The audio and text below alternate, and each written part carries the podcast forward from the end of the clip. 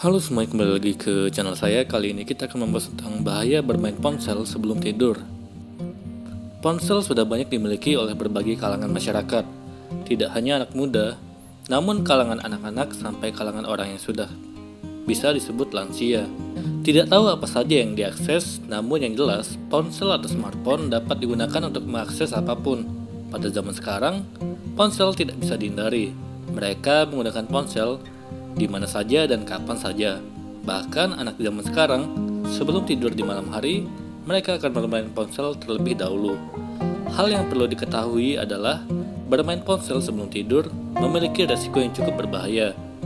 Kebanyakan orang tidak mengetahui resiko dari bermain ponsel sebelum tidur ini.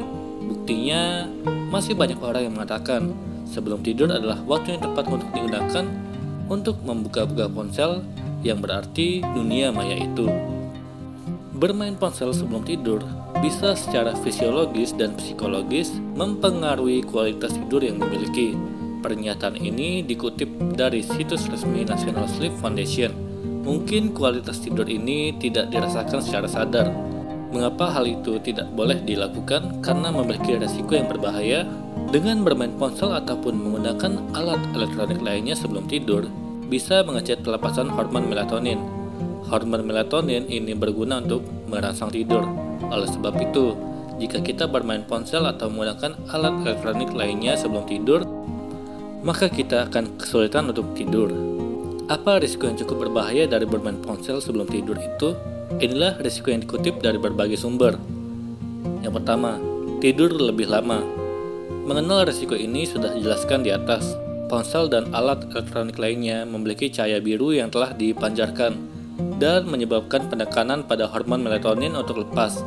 Jika hormon itu lepas, maka akan sulit untuk tidur. Jadi dapat disimpulkan bahwa semakin banyak alat elektronik yang digunakan, maka akan semakin lama juga untuk bisa tidur. Kedua, mengurangi tidur REM. Apa itu tidur REM? Tidur REM adalah sebuah tahap untuk tidur yang pasti sangat penting untuk pemulihan pikiran dan tubuh seseorang. Dikutip dari Psikologi Today, jika tidur REM dibilang kurang, maka bisa menyebabkan rasa pusing dan sulit untuk konsentrasi pada keesokan harinya. Ketiga, lelah saat terbangun. Untuk risiko ini sudah memiliki bukti. Para peneliti dari Harvard University dalam penelitiannya telah membuktikan bahwa paparan cahaya ponsel di malam hari akan membuat pengguna ponsel tersebut merasa lebih capek dan terasa pusing saat bangun tidur di pagi hari. Untuk mengatasi hal ini, orang tersebut membutuhkan waktu beberapa lama lagi untuk benar-benar aman atau terjaga di pagi hari. Keempat, depresi. Inilah resiko terakhir dari bermain ponsel atau alat elektronik lainnya sebelum tidur di malam hari, yaitu depresi. Sebuah studi telah dilakukan oleh 1101 remaja yang berusia sekitar 13 hingga 16 tahun. Mereka telah menemukan menurunnya kualitas tidur yang disebabkan oleh penggunaan ponsel sebelum tidur ketika mereka bermain ponsel sebelum tidur sampai benar-benar melewati malam.